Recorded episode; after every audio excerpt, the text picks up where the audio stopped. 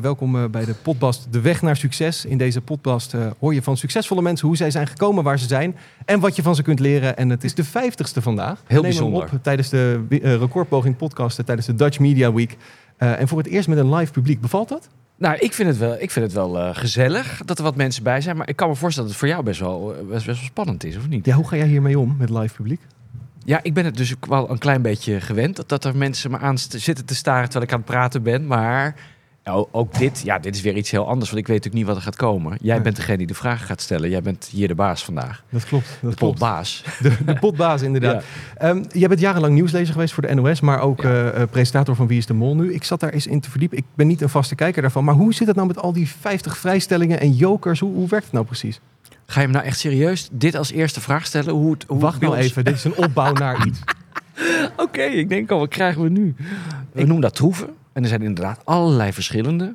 En om die, die nou allemaal hier gaan, te gaan uitleggen, vind ik wel... Het is binnen de context van het programma... eh, eh, is dat vrij eenvoudig. Maar ja, als ik helemaal een, zeg maar... eh, instapcursus Wie is de Mol moet gaan geven nu... dan zijn we nog wel even bezig. Want heb je wel eens gehoord van de witte vrijstelling? Wij hebben een doorzichtige vrijstelling. Ja, de witte vrijstelling is ook alleen bij de potbast. En die mag je straks instellen, in- inzetten als jij een vraag niet wil beantwoorden. Oh, oké. Nou, dat is handig. Eenmalig. Maar eentje. Oké, nou dan ga ik hem goed bewaren voor, voor dat ene moment. Volledige naam, Rick van de Westerlaken, leeftijd, 51 jaar, beroep, journalist. bekend van. Eh, wie is de mol misschien? Mijn steun en toeverlaat. Dat is mijn eh, eh, vriend. Als ik minister-president was, zou ik als eerste. Oh, nou, mezelf eh, ontheffen van die functie, omdat het ongelooflijk ingewikkeld moet zijn om dat te moeten doen. En ik denk niet dat ik daartoe in staat ben. Wat was voor jou de allereerste keer dat jij bewust in aanraking kwam met televisie? Als kind, ehm, ik ben opgegroeid in de jaren 70, eh 80. Toen had je nog niet de hele dag televisie. Eh, het was televisie nog best bijzonder. Ehm, en je had ook geen andere internet of wat dan ook. Dus je, ja, televisie was gewoon iets heel bijzonders waar je met z'n allen voor ging zitten. En dan eh, eh, zal het ongetwijfeld kinderprogramma's zijn geweest. Ik kan nog er één wat ik heel bijzonder vond, is dat we, ik denk dat het eind jaren 70 was, dat eh, de Nederlandse publieke omroep besloot om een dagje Amerikaanse televisie uit te zenden. En dat deden ze van ochtends vroeg tot avonds laat. En dat was echt iets nieuws. En ik heb die hele dag, ik was, ik denk dat het een zaterdag geweest, want ik was thuis eh, met mijn ouders. En ik heb wel een paar keer die televisie aangezet. En tot mijn stomme verbazing ging dat de hele dag maar door. En toen dacht je gelijk, dat is wat voor mij? Nou, ik, ik ben wel iemand die eh, ontzettend van verhalen houdt. Van verhalen eh, lezen, luisteren, vertellen. Ehm, en ook naar films kijken bijvoorbeeld. Dus het was wel een, een, ja, een enorm plezier dat je gewoon al dat aanbod had. En nu, nu kun je het gewoon niet meer voorstellen. Want hebben nu de hele dag alles ongeveer tot onze beschikking. Heb je het verhaal van Rick van der Westerlaak al gehoord? Ik denk dat ik jouw verhaal van Rick van der Slaak nog niet heb gehoord. Nee. Die ga je nu horen. De gast van de 50ste potbast is net geland in het beeld en geluid. Een instituut in Hilversum, midden in het gooi. Hij is hier voor een gesprek over zijn weg naar succes. Wie lukt het om Rick te leren kennen? Degene die presenteert en interviewt? En wie is Rick van de Westerlaken?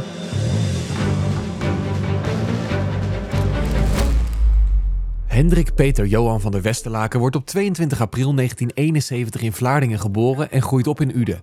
Als kind speelt hij al graag toneel en zijn ouders hebben dan ook lang het idee dat hij acteur zal worden. Maar hij heeft ook een interesse in journalistiek. Rick maakt samen met zijn buurmeisje wijkkrantjes en daarnaast schrijft hij ook voor de schoolkrant. Als hij 16 is gaat hij een jongerenprogramma maken bij de lokale omroep in Uden en dit alles naast het VWO. Na de middelbare school gaat Rick bestuurskunde studeren in Leiden, maar dat is niet helemaal zijn ding en hij besluit zich aan te melden voor communicatiewetenschap in Amsterdam. En dat blijkt nou net een gouden greep. Voor zijn studie moet hij onderzoek doen bij de lokale omroep van Amsterdam, AT5. En hij loopt mee met twee verslaggevers bij de gemeenteraadsverkiezingen en Rick is verkocht. Na zijn studie gaat hij ook bij AT5 aan de slag als eindredacteur, verslaggever en presentator. Intern document politie werpt nieuw licht op arrestatiedemonstrant Eurotop. Goedenavond. Maar toch kriebelt het. Rick wil meer nieuws brengen dan alleen het Amsterdamse en hij solliciteert bij de NOS als verslaggever. Hij wordt aangenomen en mag soms ook het ochtendjournaal presenteren. Als op een dag de nieuwslezer van het 8 uur journaal plotseling vertrekt, wordt Rick achter zijn bureau vandaan getrokken en mag hij de klus gaan klaren. Het bevalt en in de 17 jaar daarna groeit Rick uit tot een vertrouwd televisiegezicht. Maar als nieuwslezer moet je ook objectief zijn, altijd netjes zijn en mag je geen mening geven. Rick wil zijn horizon verbreden en stapt in 2016 over naar Net 5. Dit is Rick over de grens. Er komt een zendermanager met andere ideeën en dat is geen match met Rick. In 2018 keert hij dan ook terug bij de publieke omroep waar hij één vandaag en Wie is de Mol gaat presenteren. Rick, hier zit je dan. Een journalist, interviewer, stemacteur, presentator. Maar wie is Rick van de Westerlaken? Nou, dat is aan jou om daarachter te komen nu. Hè? Ja. Hoe zou je het verhaal van Rick van der Westerlaken zelf vertellen? Nou, ik vind dat je eigenlijk een hele eh, nou, vrij eh, waarheidsgetrouwe eh, samenvatting hebt gegeven zojuist. Ik hoorde een paar kleine onnauwkeurigheden, maar die zijn echt te verwaarlozen. Eh, in eh, andere interviews eh, gaat het meestal op veel meer fronten mis. Dus dit was echt vrij, eh, vrij goed gedaan. De rest Ja. was zo slecht dat dit goed lijkt. Nee, nee, nee, nee. Dit is wel. Nou, ik vind het heel grappig. De, wat je vertelt in deze samenvatting, daar zitten een paar. ehm, ja, wel echt cruciale dingen in. die ik ook verteld zou hebben. En dat zit hem vooral in de, in de passie voor wat ik doe, denk ik. Dus al heel vroeg eh, verhalen willen vertellen. Dus schoolkrantjes maken, radio-uitzendingen maken. En ja, gewoon hele, hele weekenden doorbrengen. eh, in een klein lokaaltje bij de lokale omroep met, eh, met een paar maatjes.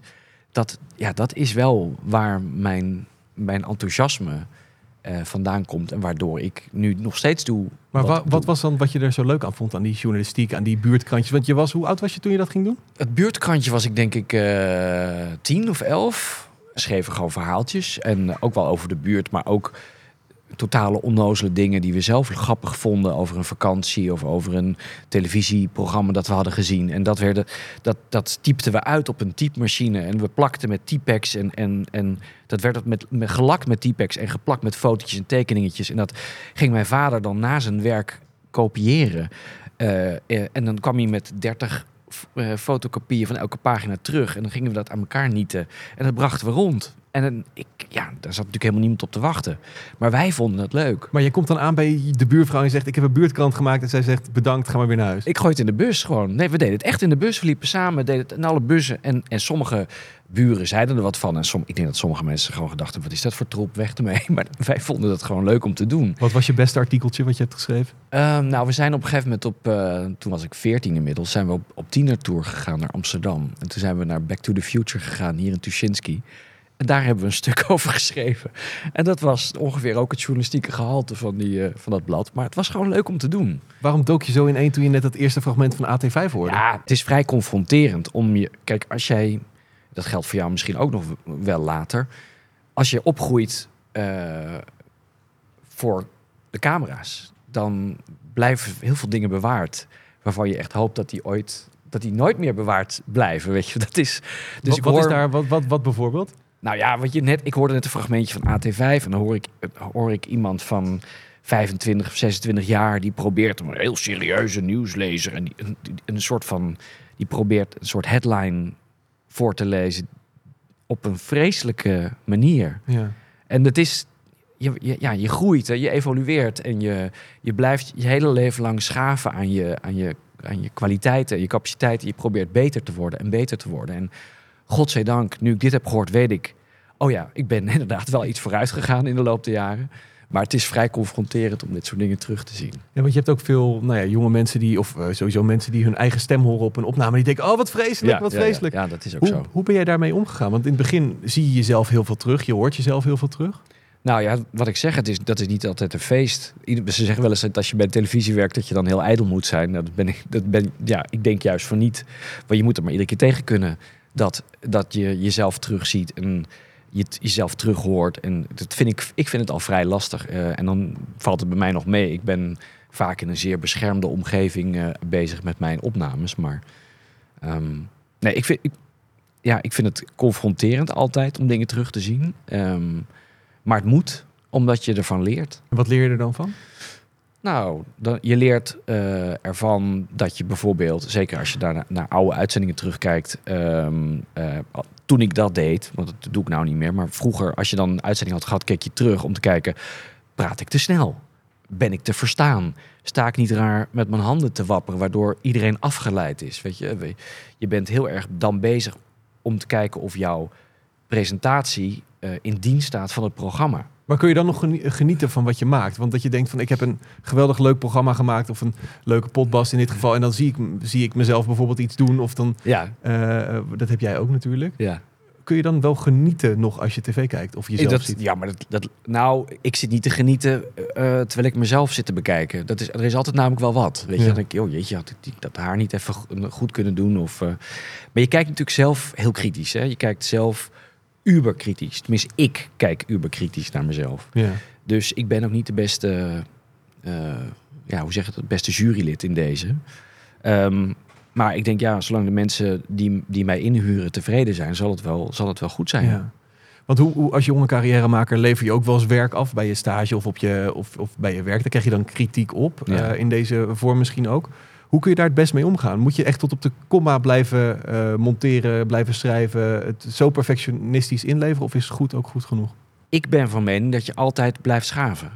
Altijd eh, probeert om er het beste van te maken. Dat is ook wat, mijn, wat, wat mij zeg maar eh, in de, deze wereld zover gebracht heeft, is volgens mij niet te accepteren dat dingen nou eenmaal zijn zoals ze zijn. Ik ben, nou ja, zoals je net mooi vertelde, eh, bij AT5 op een gegeven moment als stagiaire terechtgekomen. Ehm, maar in eerste instantie wilden ze helemaal geen stagiaire van de universiteit. Ze wilden iemand van de school voor journalistiek, dus ik werd afgewezen.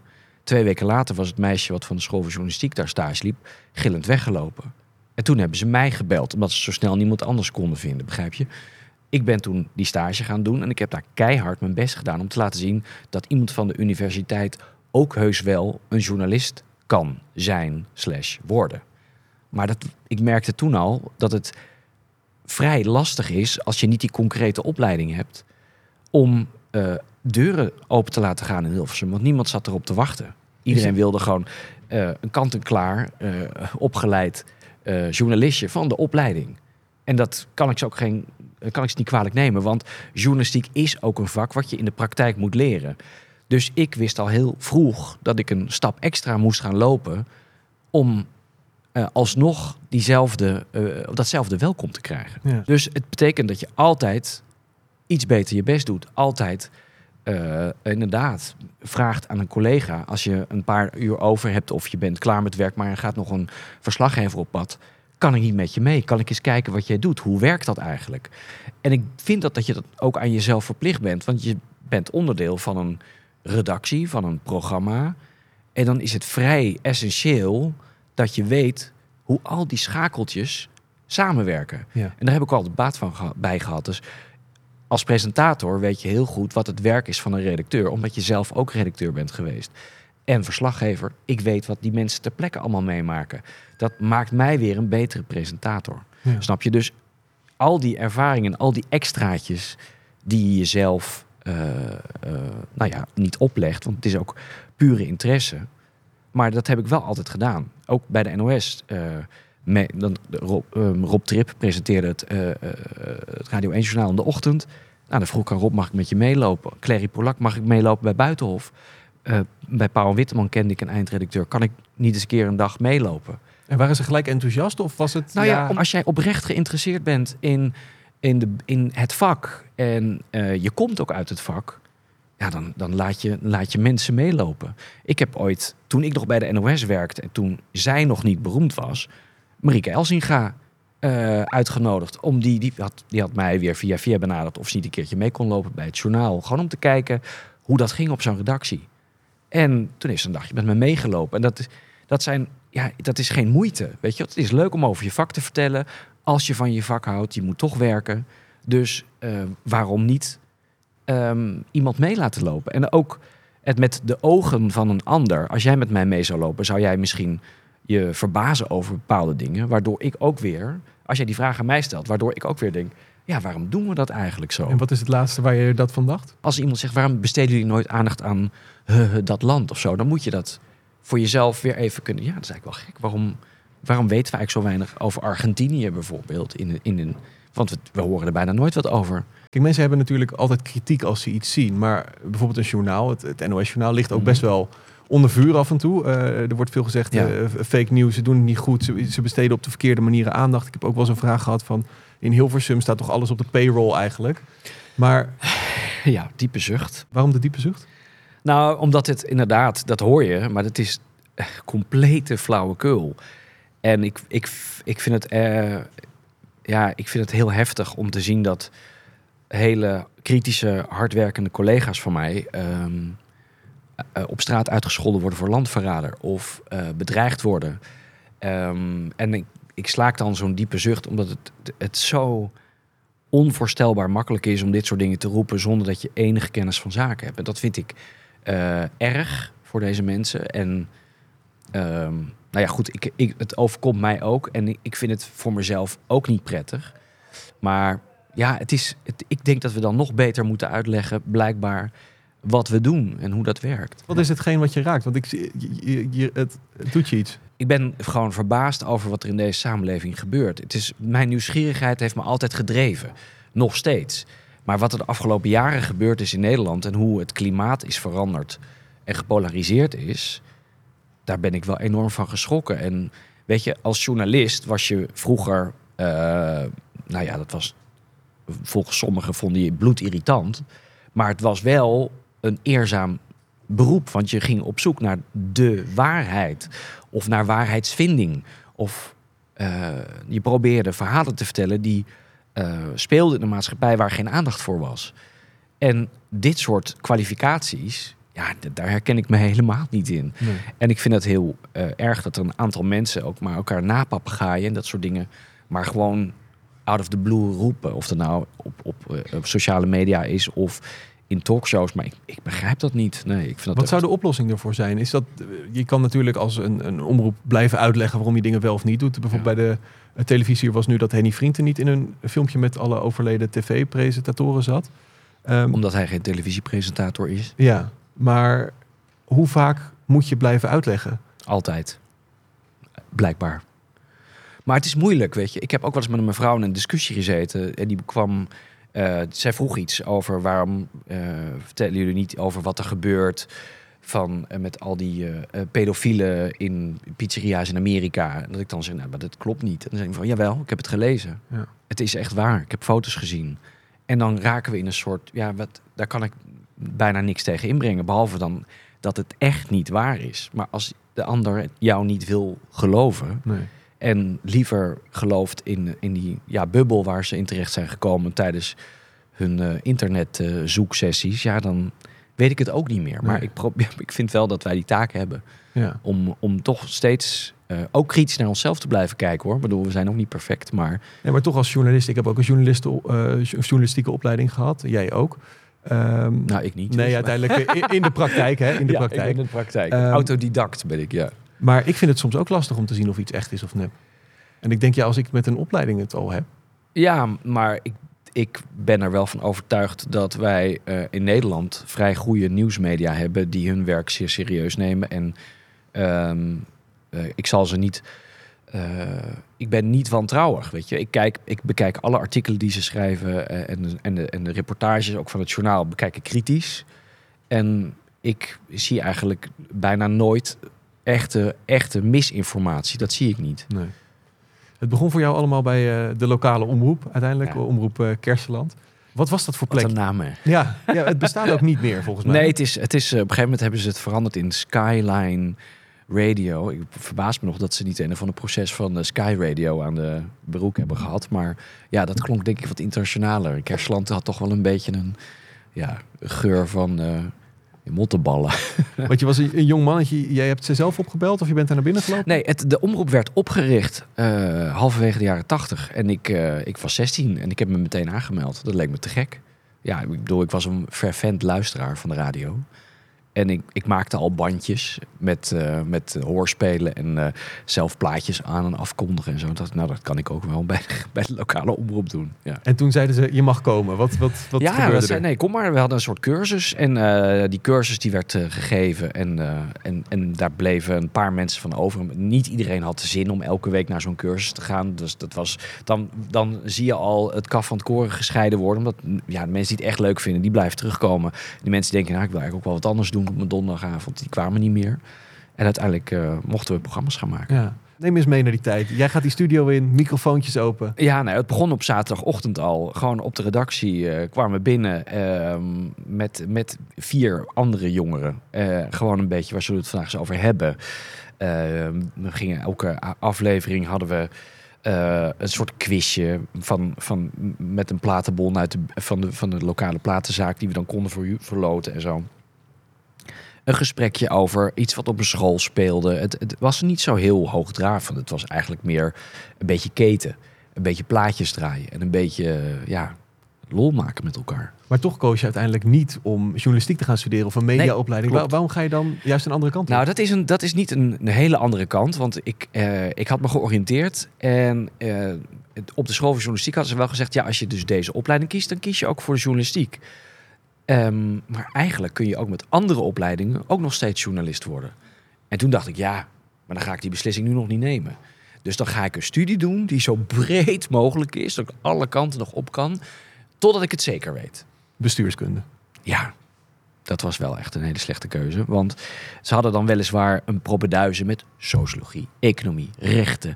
Weet je, er zat alles in politicologie, waar, waar sociologie. Alles wat je maar wilde weten over al die vakgebieden, dat kreeg je je eerste jaar. Maar het bestuurskunde zelf, dat was ook één vak. Het was zo ontzettend saai, dat ik dacht, nee, dit gaan we echt niet eh, vier jaar doen. Dus toen ik die propeduizen had... eh, mocht ik met, het, eh, met die P naar, naar eh, Amsterdam. En welke rol eh, spelen jouw ouders in jouw carrière? Bel je ze op als je, als je een vraag had? Ehm, nou, mijn ouders hebben we altijd wel ehm, eh, gewoon gemotiveerd en gestimuleerd om mijn hart te volgen. Maar mijn, mijn vader was in eerste instantie ook wel iemand die zei: Nou ja, ga ook maar wel wat doen waar je wat brood mee op de plank kan brengen. Ehm, dus bijvoorbeeld, ik hoorde al in jouw introductie dat ik vroeger heb ik het wel eens heb het ook wel eens over toneelschool ge- gedacht. Eh, ik denk niet dat ik daar genoeg eh, talent voor zou hebben gehad, maar dat is weer een ander verhaal. Ehm, maar dat merkte, tenminste, daar, daar heeft mijn vader wel eens van gezegd: van eh, nou, weet je, dat is wel een heel onzeker bestaan. En dat is ook gewoon waar, want ik ken acteurs en actrices die het ook niet altijd even makkelijk hebben, omdat het werk niet voor het oprapen ligt. Dus Nee. daar had hij wel een klein beetje gelijk in. Maar hoe is dat als je ouders dat zeggen van eh, ga toch maar iets, misschien toch voor die zekerheid, ga toch maar iets doen waar je misschien geld mee kan verdienen? Want dat zullen Ja. meerdere mensen horen. Ja, ja, ja. Nou, ik zou vooral eh hou het in je achterhoofd, maar doe vooral wat je zelf wil. Als je jong bent, kun je nog alle kanten op.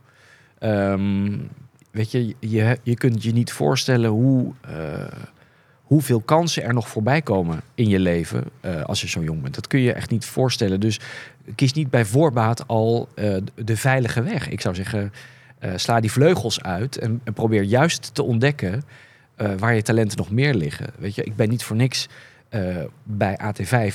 Dat was televisie. Ik had nooit televisie gemaakt, maar ik wilde wel leren. En van lokaal naar nationaal, omdat ik, ja, ik bedoel, ik had nog nooit als verslaggever in Groningen gestaan, maar ik dacht, misschien kan ik daar wel wat van leren. En zo gaat dat steeds, weet je. Je verlegt steeds weer die grenzen. Je probeert steeds weer iets nieuws uit en je gaat een paar keer op je muil en je staat weer op. En dat is natuurlijk het prettige van heel klein beginnen en heel rustig aan je carrière werken, is dat je heel vaak op je bek kan gaan en ook weer kan opstaan zonder dat heel Nederland elke dag meekijkt. Kun je nog fouten maken tegenwoordig?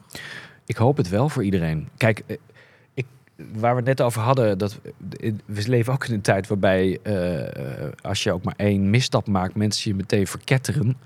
Ik vind dat ook niet een eh, prettige. Dat lijkt me. dat- Kijk, dat is voor niemand goed. Eh, Ik, ik denk dat je als je opgroeit fouten moet kunnen maken en moet mogen maken. En dat we daar eh, ja, met z'n allen heus wel wat minder veroordelend over kunnen zijn. Het hoort gewoon bij. En ja, maar goed, dit is in dit geval hebben we het over professionele fouten. En dat, ja, dat is niet erg. Dat, Nee. dat, dat gebeurt gewoon.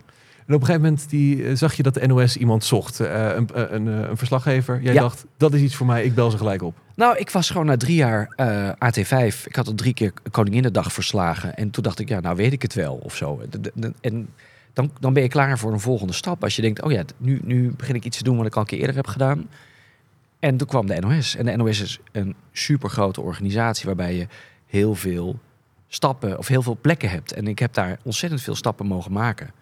Waarbij ik dus steeds andere functies heb gekregen.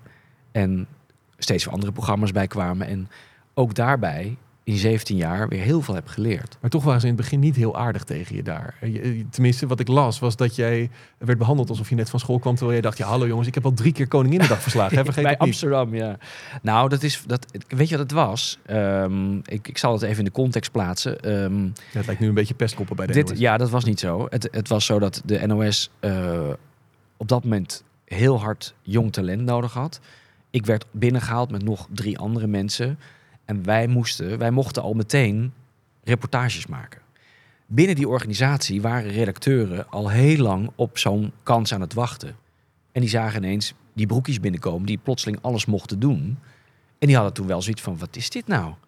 En in het begin keken mensen ons wel een beetje gek aan. Maar al heel snel, eh, ja kijk, als je gewoon je werk goed doet, eh, dan krijg je daar respect voor. En eh, ja, dan, dan lost dat al heel snel op. Ik denk dat het ook wel geholpen had als de, als de toenmalige hoofdredactie had gezegd tegen de rest...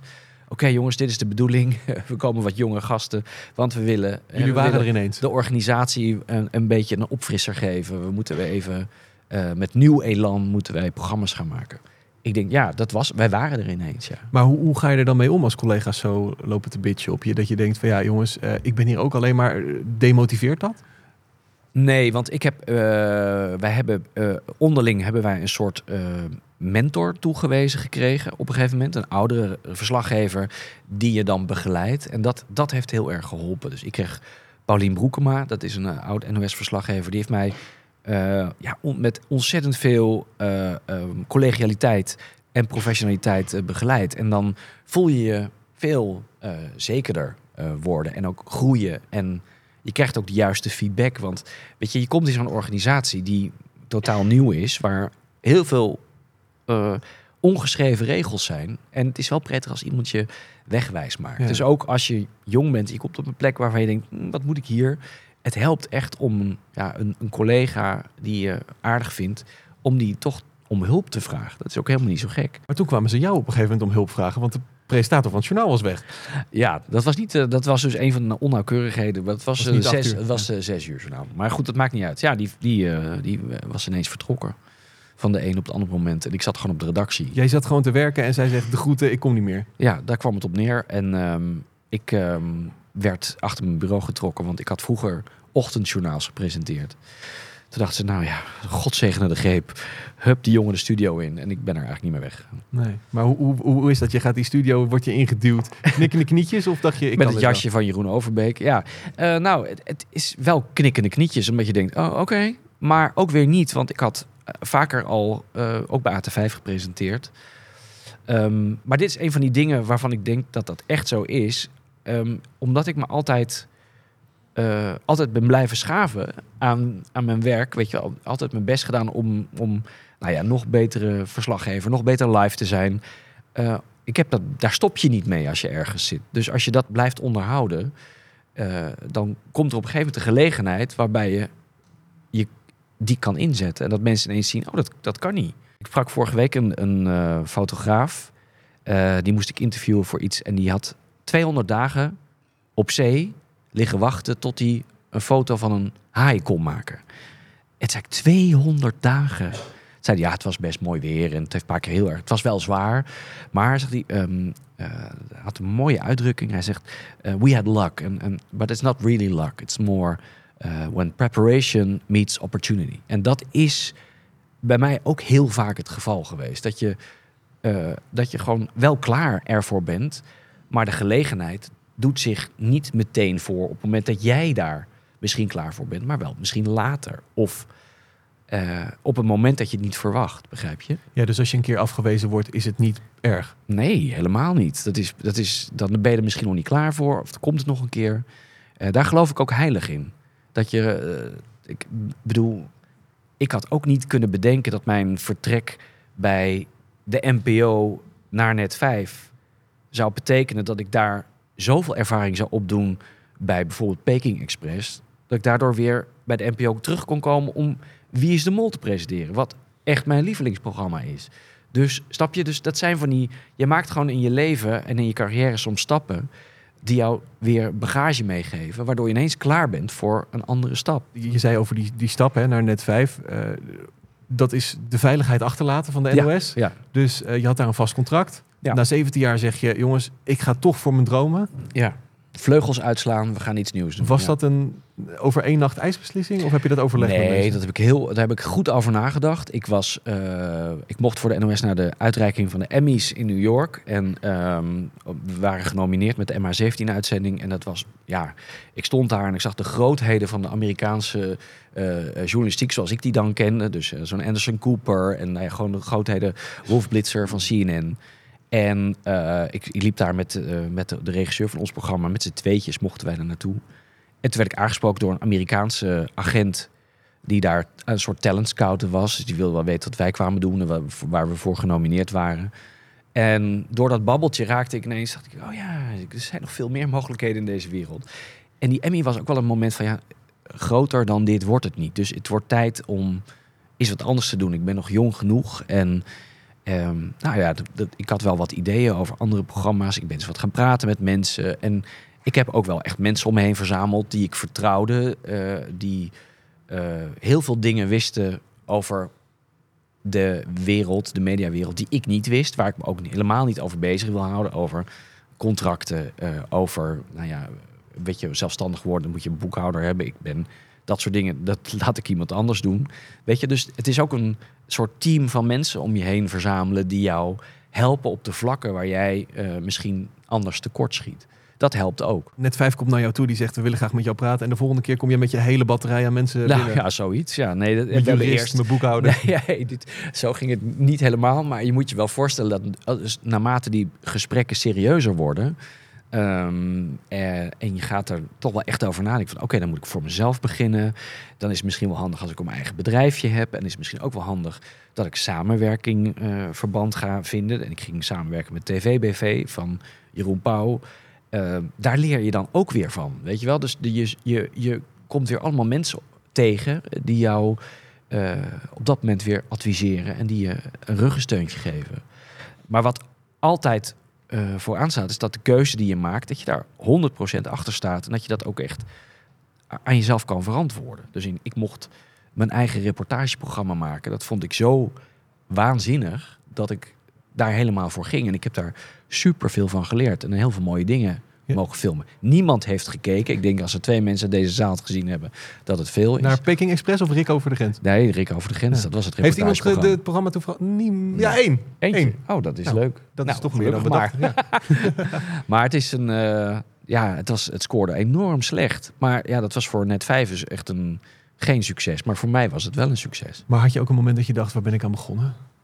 Kijk, de allereerste keer dat ik de kijkcijfers zag van het programma... die waren zo bedroevend slecht dat ik dacht... oh, ik blijf de hele dag in bed liggen. Why? Maar ja, aan de andere kant denk ik... Ja, nou ja, goed. Het is niet anders. Nee. Dit, we wisten dat dit erin zat. eh, dat het kon gebeuren. En, eh, ja, en, en zeker toen degene die mij binnen had gehaald... eh, na een half jaar vertrok... omdat hij niet de journalistieke zender mocht maken die hij wilde... eh, dan, ja, toen was het voor mij ook wel einde verhaal daar. En uiteindelijk besluit je, nou, ik ga toch, eh, toch terug naar de NPO. Zij, eh, zij bellen jou op een gegeven moment. Die telefoon gaat, Afrotros. Hallo Rick, wie is de mol? Wil je dat presenteren? Nou, eigenlijk, dat, zo ging het niet. Dat Oh. is de, de grap. Ze, ze zeiden, één vandaag.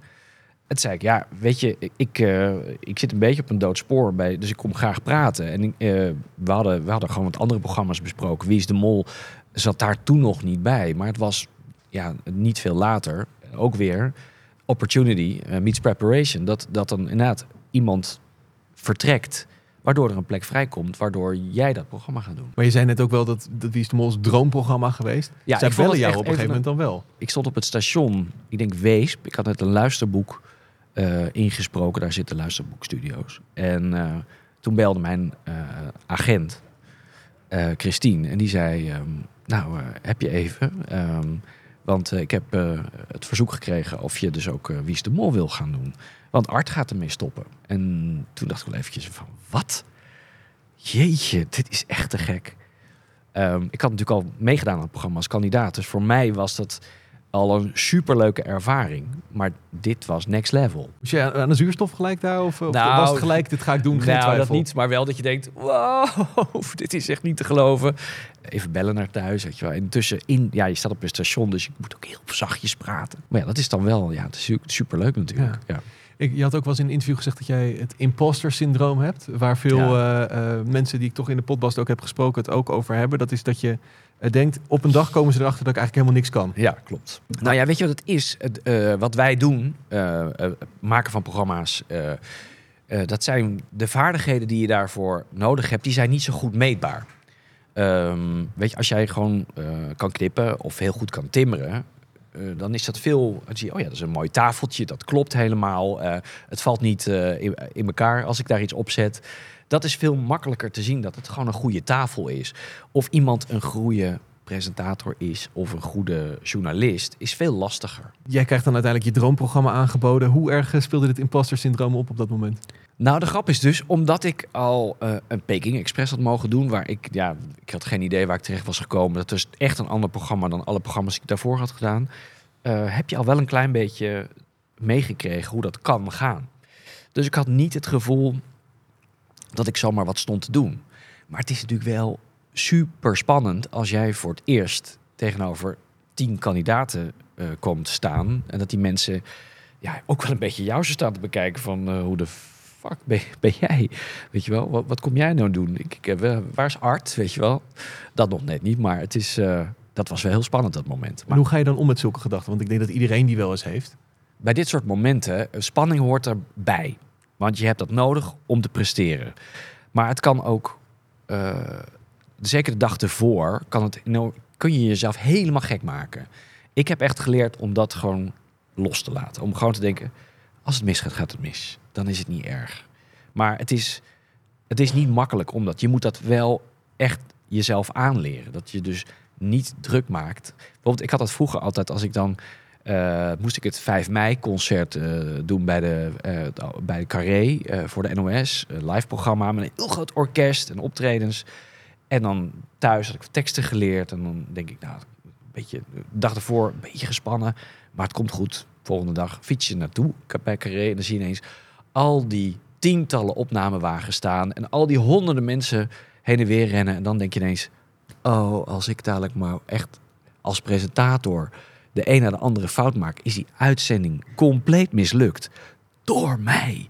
En dat is, dat is natuurlijk ontzettend. Even die spanning voelen en dat bedenken, dat is verlammend. En dat moet je dan ook heel snel weer loslaten. Ik ken echt topsporters die dus gewoon echt naar een, naar een enorme wedstrijd toewerken, jarenlang. En op een dag van tevoren in een hotel zitten en alleen maar denken: ik hoop dat die sporthal afbrandt, zodat ik morgen niet hoef. En dat, is, dat herken ik, weet je wel. Soms is het gewoon... Het, soms vraag je wel eens af, waarom, waarom doe ik dit? Weet je, waarom ga ik die uitdaging aan? Want het is namelijk ongelooflijk spannend. Maar het is ook zo leuk om buiten je comfortzone te komen. En om, die, om dat aan te gaan. En om daar gewoon ja, te gaan staan. En op het moment dat het begint... dan voel je dat die spanning eh, weg is. Weet je wel, dan sta je er. Dan moet het gebeuren. En denk ik, dan ben ik ook weer heel dankbaar voor al die jaren live televisie die ik heb mogen doen bij AT5 NOS. Het is een optelsom. En alles helpt jou om op dat moment daar te staan. Hoe dealt Rick van der Westerlaken met kritiek? Ik vind kritiek, eh, zeker als het terecht is, dat kan ik heel goed. Maar daarom begon ik net eerder diep te zuchten. Weet je, als journalisten verwijten krijgen over dat ze hun, eh, nou ja, gewoon eh, op een payroll staan eh, van de regering of wat ze nou. Ja, daar, daar kan ik zo ja, moedeloos van worden. Maar wat voor kritieken krijg jij wel? Ja, weet je wat is? Bijvoorbeeld bij, bij een vandaag eh, hebben we vaak interviews in de studio. Die zijn super kort, want, want maar we hebben dan maar heel korte tijd. Dus je moet heel snel to the point komen. De, en soms ehm, dan interview je iemand en dan gaat diegene net een andere kant op dan jij wil. En dan moet je diegene dus eigenlijk onderbreken, omdat je nog een hele belangrijke andere vraag hebt. En dan hoor ik wel regelmatig van ja, je liet die mevrouw niet uitpraten. Ja, maar ja, die mevrouw die wilde ook wel heel erg graag een ander antwoord geven dan ik wilde horen. Ehm, dat is natuurlijk, ja, dat is ehm, vast onderdeel, denk ik, van, eh, van het commentaar wat ik wel eens krijg. Ja. Is het ook eh, minder erg geworden, de kritiek, sinds je niet meer in het eh keurslijf van de strakke nieuwslezer zit? Nou, ik, ik, ik weet je, de, de grap is dat ik bij de NOS eigenlijk niet echt veel last heb van kritiek persoonlijk. Het was altijd op de NOS in het algemeen gericht. Maar als de stropdas niet goed zat of het haar of... Ja, dat leidde wel af. En we hadden natuurlijk wel... Kijk, we hebben natuurlijk heel lang ook Lucky eh, TV gehad... die er allemaal grappige montages eh, maakte. O- ook heel vaak van mij. Dat mensen op een gegeven moment wel in de war raakten. Want dan zagen ze dat terugkomen online. Wisten ze niet meer wat nou echt was. En wat nou door eh Sanne van der Pavert in elkaar geknutseld was. En dat is... dat, dat was wel een beetje een verwarrende periode. Ja, het is ook als je jou zoekt op YouTube, is, er Dat- is er eentje die naar boven komt en dat is die van Jensen. Oh, die. Oh, maar dat is zo'n... Dat is... Weet je wie dat heeft gedaan? Tim den Beste. Tim den Beste was redacteur bij Robert Jensen en die vonden het leuk. Oh, ja, mensen zitten hier echt helemaal glazig aan te kijken. Ik heb geen idee waar ik het over heb. Ik ga het even uitleggen. Ik had een presentatie bij de NOS. Ehm, en dat ging... Eh, van een kale kip kun je niet plukken. Dat was de tekst. Ik versprak me. Ik zei kale cup. Met de P van Potpast. Poppas. Godsamme. Had ik kunnen weten. En zij hebben daar dus een T van gemaakt. En dat vond Tim den Beste een leuk idee. Die heeft dat toen zo ingesproken. Heeft hij me later pas bekend. Daar heb ik zo'n last van gehad, jongen. Ja, Oh. Want elke show van Jensen begon ook volgens mij met, oh ja, zoals ze bij de NOS zeggen. En dan zag je jou ja, weer. van een kale enzovoort. Ja. Ja. ja, ik vond dat heel vervelend, want ik had het nooit gezegd. Maar hoe ga je daar dan mee om? Want het, ja, daar kan je ik laat het. tegen, toch? Nee, ik wou zeggen, er zijn gewoon. Je moet ook in het leven gewoon eh, dingen loslaten waar je niks aan kan doen. Daar kan je gewoon. Dat mag je heus wel even vervelend vinden. En daarna denk je, nou, morgen is er weer een nieuwe dag en is er ook weer een nieuw slachtoffer. Wat ook zo is, hè? Ik bedoel, al die relletjes en al die oproer en eh, op, op, op sociale media. Er is altijd wel iemand het slachtoffer en een dag later is het weer iemand anders. Je, je moet het soms ook gewoon loslaten. Je zei aan de telefoon ook tegen me toen we even belden over deze afspraak... dat je graag het ook wilde hebben over succes en wat dat nou precies is. Nou, ik vond het grappig dat je mij belde. En toen, hè, want de weg naar succes. Toen zei ik tegen jou, ja, maar het is zo relatief. Want ehm, eh, blijkbaar ben ik dan in jouw ogen succesvol. Eh, maar ik vind eigenlijk dat er ook heel veel andere mensen heel succesvol zijn. En misschien wel succesvoller dan ik. Maar die, die komen dan niet aan het woord. Want, kijk, geen kritiek op jou en je podcast. Maar wij zijn met z'n allen, deze hele samenleving is enorm gefixeerd op roem. Op mensen die, die eh, beroemd zijn, eh, veel geld verdienen.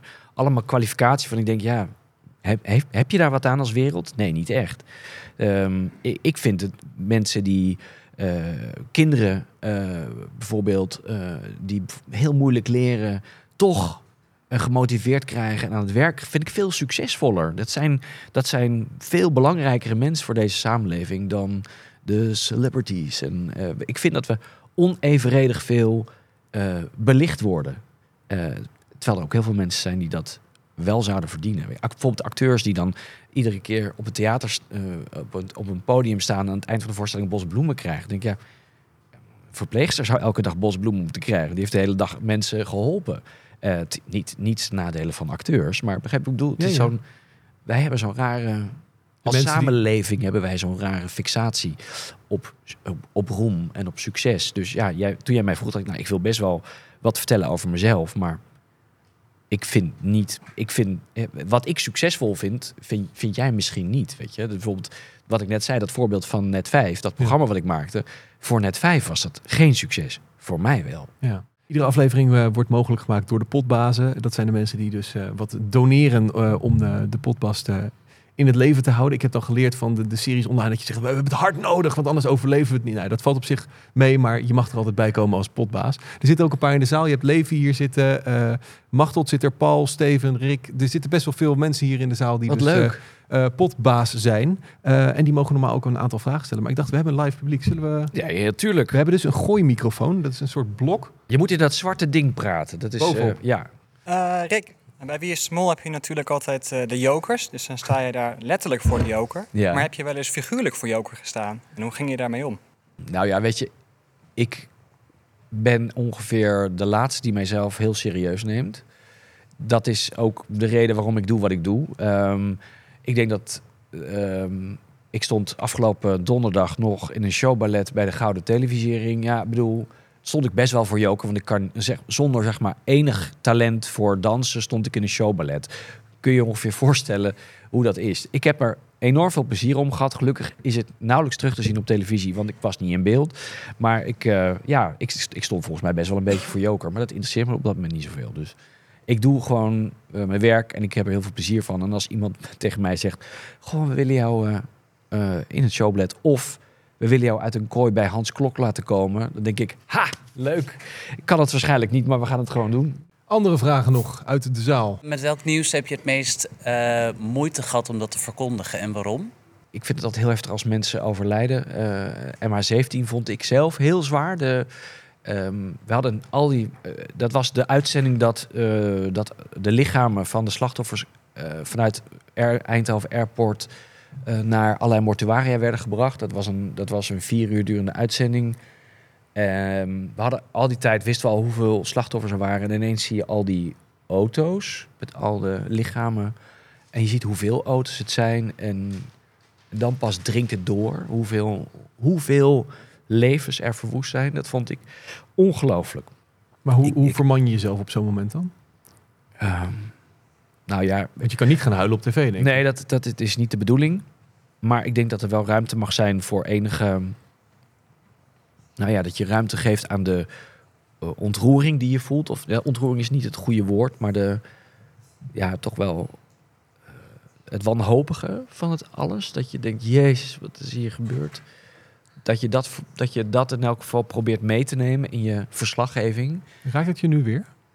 Of niet? Nou, ik vind het, ja, ik vind het nog steeds wel. Nou, de grap is, omdat je, je vraagt zo specifiek naar een moment. En ik begin dat te vertellen en ik voel weer dat gevoel indalen. Ik weet niet of dat herkenbaar is, maar als, je, als mensen je vragen om terug te gaan naar een moment dat. eh, en ik werd overweldigd door het. eh, nou ja, gewoon door de hoeveelheid En wat voel je dan? leed. Nou, dat, ik voel wel even het, het beklemmende van wat ik toen ook voelde. Alleen de uitzending moet door, dit interview moet ook door, dus we hebben er geen tijd voor. Maar dus ik kan het ook heel goed parkeren. Dat is ook het voordeel van 17 jaar, het is mm, 20 jaar in de journalistiek werken. Maar het is niet per se altijd leuk, maar het hoort er, het hoort er wel bij. Eh, hoi, Hoi.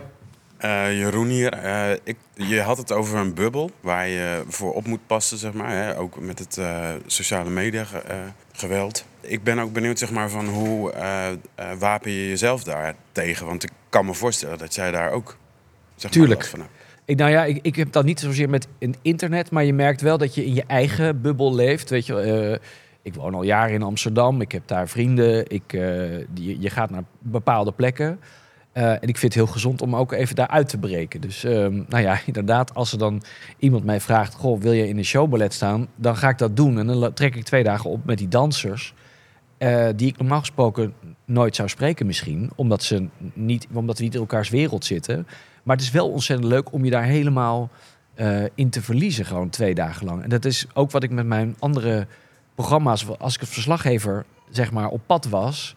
vond ik het superleuk om compleet op te gaan in die andere wereld. Om, om kennis te maken, om gedreven te worden door nieuwsgierigheid en, en ja, te ontdekken wat andere mensen beweegt. Dat is, daardoor probeer ik me wel eh, open te stellen voor wat er nog meer gebeurt in de wereld. Dus niet die oogkleppen. eh, die, die pro- probeer ik eigenlijk te voorkomen door eh, dat soort dingen te doen. Maar dat lukt, lukt ook niet altijd hoor. Dat geef ik gelijk toe. Laatste vraag. Het was... Ja, dat was mijn vader dus. Ah. Ja. Is ook altijd de, de eerste luisteraar. van- Oh ja, eerst ja natuurlijk. Lokale ja. omroep. Van Zo, overal. zo gaat het ook. hè? Ja. Hoe, hoe vindt u dat hij het doet zo met publiek erbij? Nou, jij doet het goed. Ja, doet hij het goed? Nee, jij doet het goed. Nee, maar ik heb het over hem. Nee, Bas doet het ook goed. Ja, toch? Ja. Het is lastig, hè? Het is wel wat gekleurd, moet ik zeggen. Ja, Dat, ik wou net zeggen, de kritiek van ouders is altijd eh, eh, ja, moeilijk. Ja, nou, ze zijn vaak heel erg trots natuurlijk. Dat mag ook. Ook dat. Ook dat. Dat maar ik had ook. een nieuwsgierige vraag naar jou toe eigenlijk. Ja, dat snap ik. Ehm, als jij eh, s s'avonds een programma presenteert, Ja, en je mag hem inzetten hoor, dat munt, nee, ik ben gek. Dan open jij op een bepaalde manier. Wij verstaan altijd groenavond. Oh, dat is, zo, dat zo, misschien de afstand zijn, maar dat is Groenavond. Nou, nee, dat is eh, niet de bedoeling Um- natuurlijk. Umberto Tan die spreekt het ook op die manier uit. Dus het kan zijn dat je op een gegeven moment zegt van... Doe je dat bewust? Nee, zeker niet. Nee, dat is gewoon, dat is mijn, eh, mijn eh, blijkbaar mijn iets te snelle uitspraak van het woord goedenavond. Oké. Ik zal erop letten. Nee, maar serieus, ik ben dus eh, voor een deel van mijn leven in Brabant opgegroeid. En daar z- had- zei iedereen altijd nieuws, nieuws. Weet je, niet nieuws, nieuws. En ik heb dat ooit overgenomen. En ik, toen ik al jaren bij de NOS werkte, zei op een gegeven moment iemand tegen mij... Waarom zeg jij toch altijd nieuws in plaats van nieuws? Toen dacht ik, oh ja, dat is wel waar. Dus het zijn hele nuttige aanwijzingen om mijn uitspraak te verbeteren. Kritische vader, hè? Ja, tegen, tegen mij wel, ja. Ja, maar je weet niet als dit de eerste versie hiervan naartoe gaat. Dan krijg je ook zo'n lijst terug, hoor. Met, eh, Oh, oh ja, is dat zo? Beginnend met, had het maar niet gedaan. Nee hoor, dat is... eh, Ze zijn Nee, dat geloof heel ik niks van. Ouders zijn over het algemeen eh, eh, heel trots. En niet de beste raadgevers overigens, maar Nee, maar wel altijd een goede steun en toeverlaat. dat is fijn hè, dat je daarop terug kan vallen. Dank voor de vragen uit de zaal. Ik eh, keer nog even terug naar jou. Ja. Ehm, stel, de jonge Rick van de schoolkrant die komt naar je toe en die vraagt... eh, grote Rick, hoe word ik zo succesvol als jij? Ook al vind je het zelf niet, maar ik ga toch vragen aan je. En dan zou ik zeggen, lekker blijven doen waar je mee bezig bent. Geniet er ontzettend van. Grijp elke kans aan die je krijgt. Eh, val, sta weer op. Val, sta weer op. Eh, sla het stof van je kleding en eh, ga vooral door. Moedig voorwaarts. Een beetje Barry, Barry Stevens, vooral doorgaan. Ja, zeker weten. Is dat het ingrediënt voor succes ook? Zeker. Ja, als je, als je bij het minste of geringste flatertje al, eh, al eh, in de hoek laat drijven of ermee laat, mee gaat stoppen, dat zou doodzonde zijn. Ja. Het is zeker als je iets doet wat je heel leuk vindt. Gewoon doorgaan, gewoon doorgaan. En het leven is nog, eh, is, is nog zo onvoorspelbaar en zo spannend. Er gaan nog zoveel mooie dingen gebeuren. Ook voor jou, dat weet ik zeker. Dus ja, nee. Houd vol. Moedig voorwaarts. Ik sluit de potbas altijd af met de potbas sticker met de vraag waar ga je hem plakken? Oh, mijn tas. Dan is er eind van de dag af. Nou, denk je? Nee, dan kan je ook gewoon een stapeltje meegeven. Kan je elke keer als hij weg is weer een nieuwe doen. Dat is goed. Duurzaam Ik, ook. ik zal hem op mijn. eh, ik, ik luister vaak naar je als ik aan het sporten ben. Dus ik doe hem op mijn sporttas. Nou, heel goed. Eh, Rick, je hebt de, de potbast witte, witte vrijstelling niet ingezet.